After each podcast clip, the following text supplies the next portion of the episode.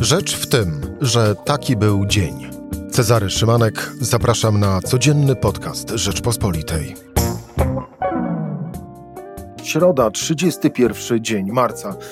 Prezydent Andrzej Duda wysoko ocenia pracę, premier Mateusz Morawiecki jest zaskoczony, a wicepremier Jarosław Gowin uznaje atak w wiadomości na PFR i jego prezesa Pawła Borysa za pseudodziennikarstwo. Tak, to ci sami politycy, którzy zgodzili się na 2 miliardy złotych dotacji dla TVP. A z innego gmachu płyną zaś słowa o tym, że nie było żadnej afery Banasia, była natomiast prowokacja służb. A wicepremiera Jarosława Kaczyńskiego, jak nie było, tak nie ma. Będzie natomiast już za chwilę Michał Szulżyński. Rzecz w tym, że zapraszam Cezary Szymanek. Słuchaj na stronie podcasty.rp.pl. Włącz Rzecz w tym w serwisie streamingowym. Zapowiadałem, że będzie, ale już jest. Michał Szulżyński. Dzień dobry, Michale. Dzień dobry, Czarku. Dzień dobry Państwu. Zastępca redaktora naczelnego Rzeczpospolitej, prowadzący yy, magazyn Plus Minus gwoli ścisłości i dla dopełnienia yy, formalności. Y, Michał, ciśnie mi się na usta takie pierwsze pytanie, zanim konkretnie poszczególnymi elementami składającymi się na owe pytanie zajmiemy. Pytanie następujące. Co tu się odbywa? To jest bardzo dobre pytanie. Ja najpierw zacznę od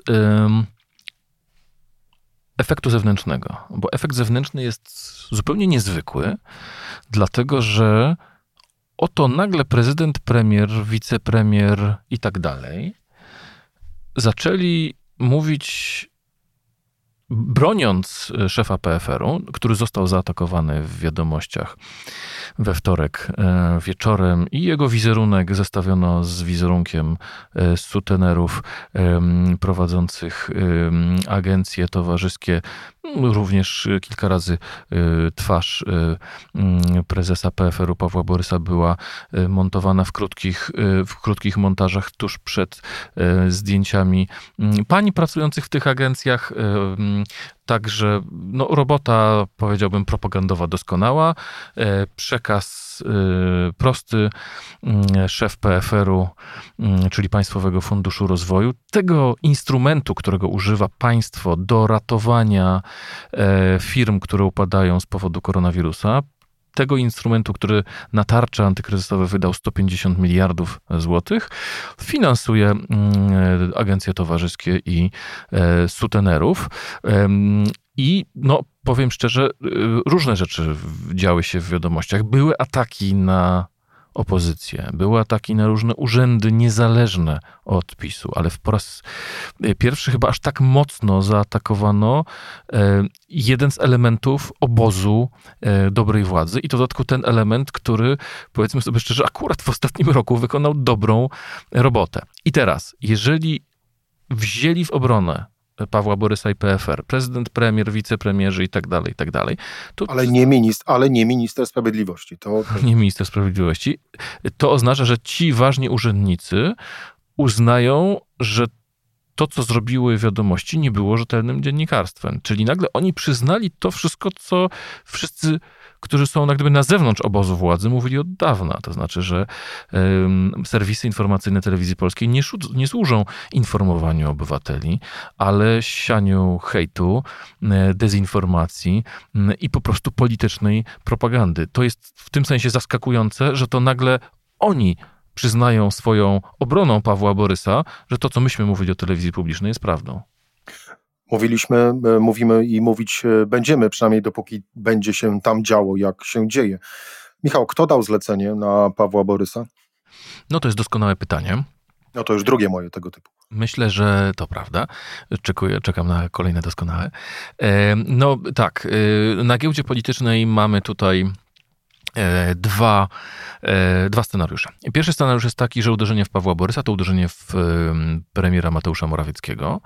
E, premier Mateusz Morawiecki wziął na siebie, no powiedzmy sobie szczerze, no, nikt, to nie jest tak, że ktoś go szczególnie prosił, sam się, się pchał, ale wziął na siebie trud kierowania mm, całym bałaganem państwowym, który jest związany z koronawirusem i jak porozmawiamy z y, twórcami sondaży, znaczy tymi, którzy przeprowadzają sondaże, widać, że obywatele utożsamiają walkę z koronawirusem z rządem nie z Prawem i Sprawiedliwością, tylko mówią państwo albo rząd. Twarzą tego rządu jest Mateusz Morawiecki.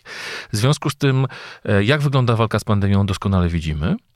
E, I w tym momencie e, premier jest dosyć mocno pobijany. Tak? Nie ma najlepszych, najlepszych wyników.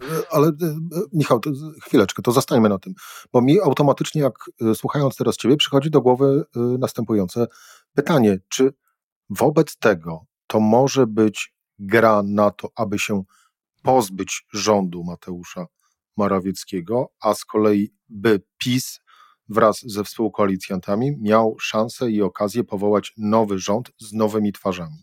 Na pochyłe drzewo kozy skaczą. E, gdy ludzie z krytyczni wobec Mateusza Morawieckiego albo jego zaciekli wrogowie wyczuli jego słabość, uznali, że to jest świetny moment, żeby uderzyć Morawieckiego. Tak, to jest ta, ta pierwsza, pierwsza polityczna, polityczna, polityczne wytłumaczenie. Jeżeli sobie przypomnimy, że dwa tygodnie temu e, w wywiadzie dla tygodnika sieci e, minister sprawiedliwości Zbigniew Ziobro mówił o tym, że Mateusz Morawiecki ma wybitny talent do przekonywania mm, liderów Zjednoczonej Prawicy do realizowania rzeczy, które są niezgodne z programem Prawa i Sprawiedliwości i oskarżył go o wiele różnych innych zbrodni. E, to mamy pierwszy trop cui bono, czy nikomu mogłoby zależeć na tym, żeby e, premiera Mateusza Morawieckiego e, uderzyć. Tu jeszcze mamy jedną rzecz dodatkową, a mianowicie widać wyraźnie, że ten konflikt e, między, mm, czy wewnątrz e, obozu rządzącego z Solidarną Polską Zbigniewa Ziobry coraz bardziej jest obudowywany ideologicznie. Zbigniew Ziobro coraz częściej mówi, to my bronimy wartości prawicowych, e, to my bronimy ideałów prawicowych, to my bronimy suwerenności Polski e, i tak dalej, i tak dalej, i tak dalej. Czyli Zbigniew Ziobro nie tylko mówi, ja się tutaj spieram z Morawieckim i tak dalej, tylko że to ten Morawiecki zdradził ideały prawicy, zdradził polską suwerenność i tak dalej.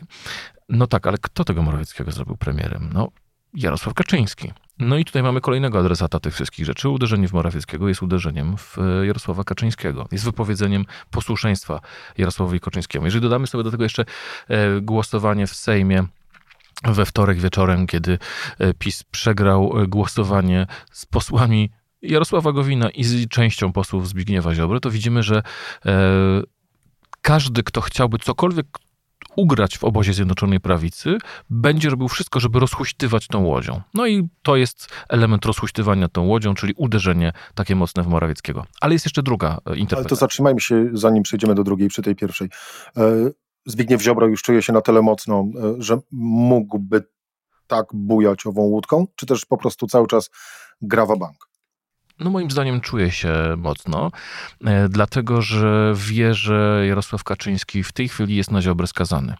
Oczywiście e, na pewne rzeczy sobie pozwolić nie może, ale z drugiej strony Jarosław Kaczyński, jeżeli chce realizować jakiekolwiek jeszcze ustawy, e, został 2,5 roku kadencji, więc to znowu nie tak, nie tak mało czasu, zamiast stać w miejscu, no będzie musiał mieć Zbigniewa Ziobrę po swojej stronie. W związku z tym Zbigniew Ziobro ma w sumie sytuację bardzo wygodną.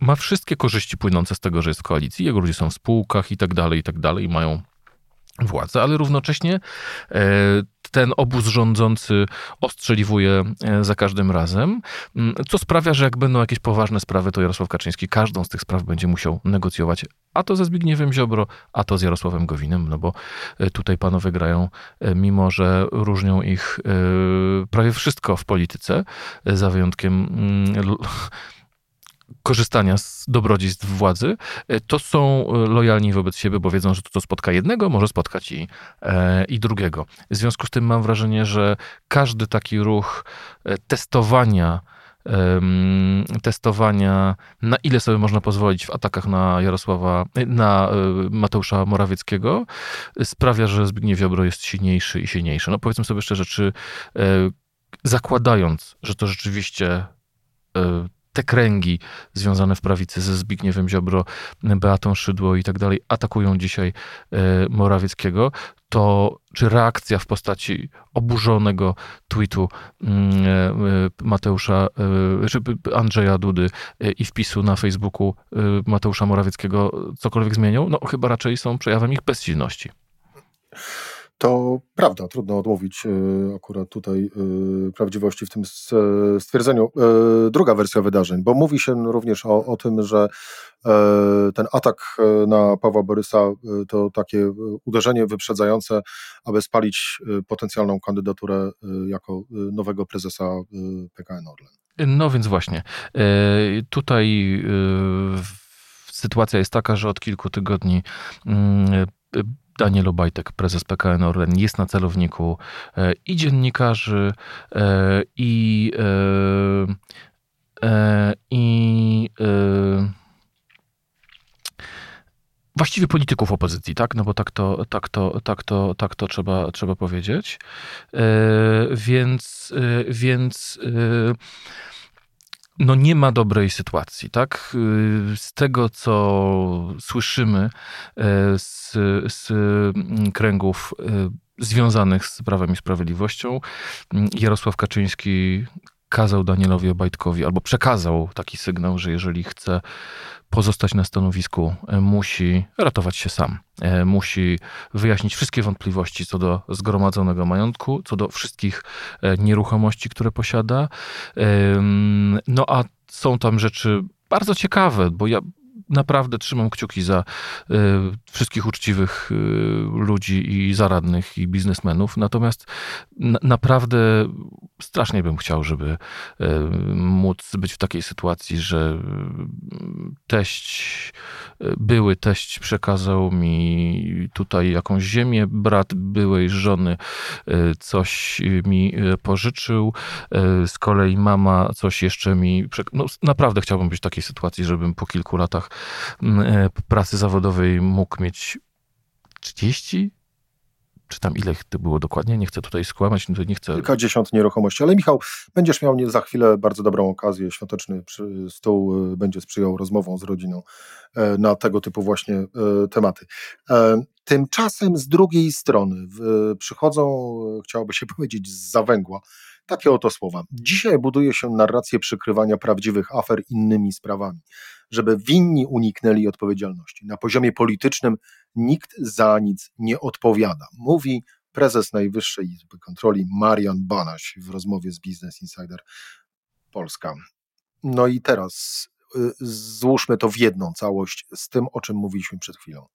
Marian Banaś wchodzi cały na biało e, do gry. I teraz pytanie, w jakim wchodzi momencie? Wchodzi w momencie, w którym, dokończę tylko poprzedni wątek, jeżeli e, Daniel Obajtek nie wytłumaczy się ze swoich spraw majątkowych, albo przynajmniej Jarosław Kaczyński uzna, że jego wytłumaczenia nie są wystarczająco bezpieczne dla obozu władzy, e, to wówczas mógłby podjąć decyzję o jego wymianie. No i krążyło na giełdzie dziennikarskiej e, to, to, to, to nazwisko. Paweł Borys być może mógłby się przesiąść z fotela prezesa PFR-u na, pre, na fotel prezesa Orlenu.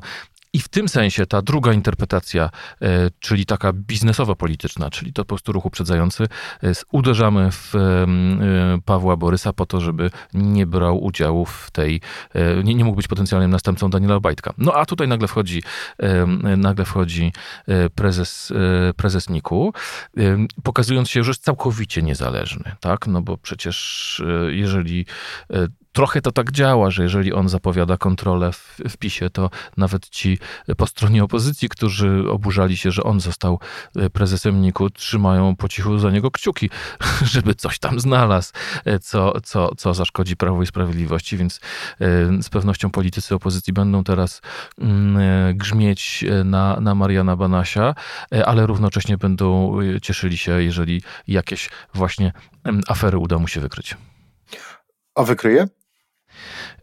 To zależy, jak będzie wyglądać ten jego konflikt, bo przypomnijmy, jego konflikt z Prawem i Sprawiedliwością miał rozmaite fazy. Tak, raz się dogadywał, były, byli powoływani zastępcy, potem dochodziło do, do jakichś wojen wewnętrznych. No i to wszystko jest dosyć skomplikowane. To naprawdę zadanie dla wytrawnych dziennikarzy śledczych patrzeć, na jakiej to jest, na jakim to jest etapie. Przypomnijmy, niedawno nasze dziennikarki Iza, Iza Kacprzak i Grażyna Zawadka pisały o tym, że e, stawką sporu jest w tej chwili poświadczenie e, dostępu do informacji niejawnych, które prezes NIK-u musi mieć, jeżeli robi na przykład kontrolę w E, wojsku czy, czy w służbach specjalnych. E, e, no i więc to są takie rozmaite fazy, że tutaj PiS usiłuje go grillować. Równocześnie on, mając, mając stanowisko takie, jakie ma z urzędu, mu przysługuje dostęp do pewnych, pewnych informacji.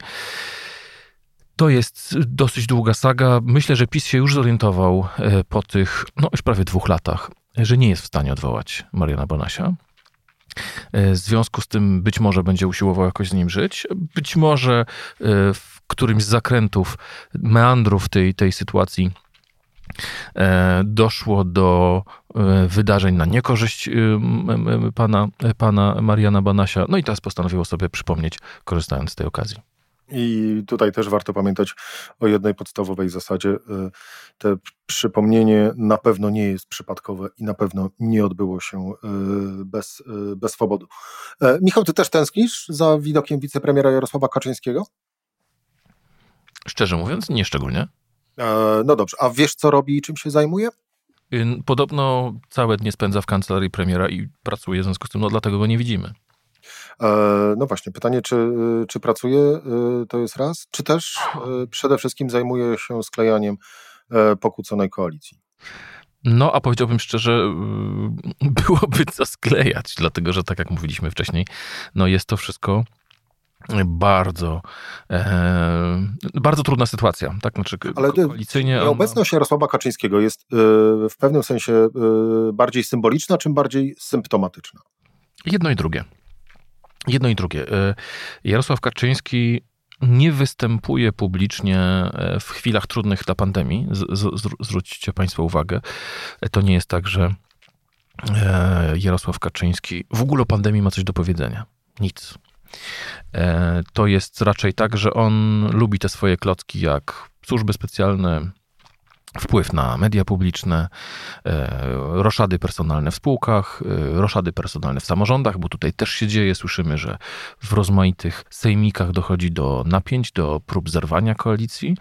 W związku z tym on jako prezes partii rządzącej który jednoosobowo podejmuje mnóstwo decyzji, e, przyjmuje dziesiątki osób, e, które donoszą mu na innych i które przychodzą z załatwianą ważnymi sprawami.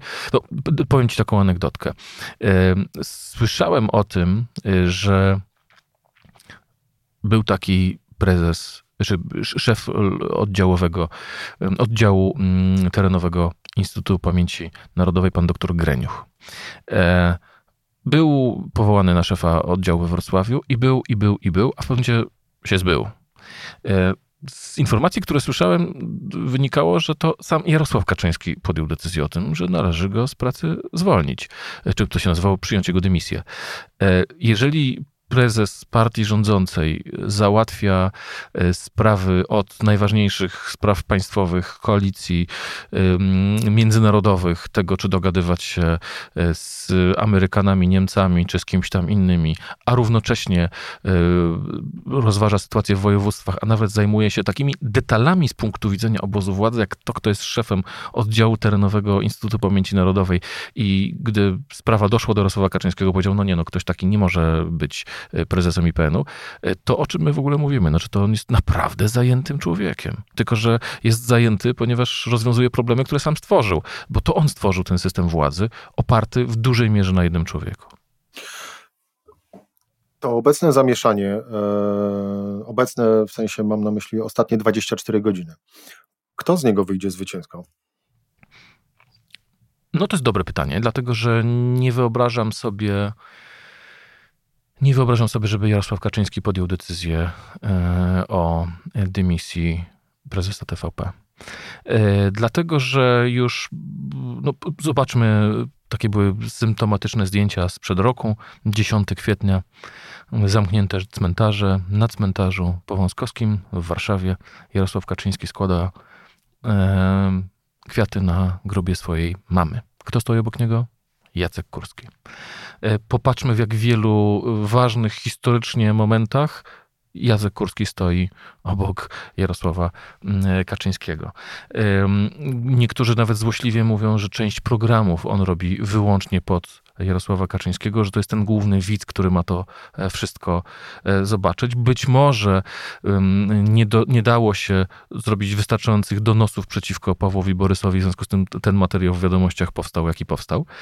E, ale Jarosław Kaczyński uważa, że bez osoby takiej jak Jacek Kurski sympatia społeczna dla Prawa i Sprawiedliwości, czy, czy poparcie dla Prawa i Sprawiedliwości byłoby po, po prostu znacznie mniejsze. W związku z tym e, to też ważna lekcja z dzisiejszej historii. Jeżeli po słowach prezydenta, premiera i, e, i, i wicepremiera Gowina Jacek Kurski wciąż będzie pełnił swoje, swoje, swoją funkcję, mm, to będzie to szło, będzie się to zapisywało na osobiste konto E, Jarosława Kaczyńskiego. I te wszystkie e, propagandowe rzeczy, i te wszystkie, no jeżeli tak można powiedzieć, świństwa, które zdarza się e, serwisowi głównemu telewizji publicznej, informacyjnemu czy dezinformacyjnemu czynić, czy to na zewnątrz, w stronę opozycji, czy to w stronę NGO-sów, czy to w stronę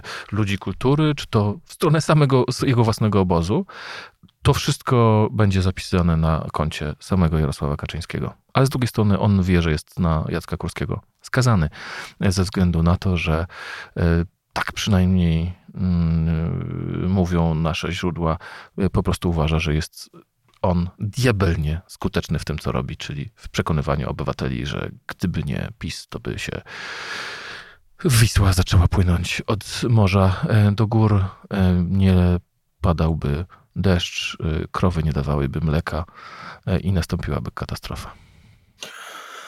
Scenariusze wieszczył e, Michał Szulżyński. E, raz jeszcze dla przypomnienia rzeczy, które oglądamy, tak jak sam zresztą powiedziałeś, i to nie jest naweros, aczkolwiek ja nawet uznaję, że to jest zbyt małe słowo, rzeczy, które oglądamy w wykonaniu telewizji publicznej, to po prostu świństwa.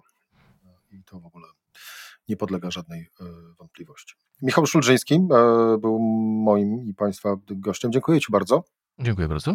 To była rzecz w tym e, w środę. Cezary Szymanek do usłyszenia jutro o tej samej porze, już w miesiącu kwiecień.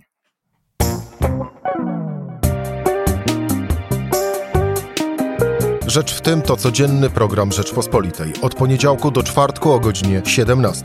Słuchaj na stronie podcasty.rp.pl. Włącz Rzecz w tym w serwisie streamingowym.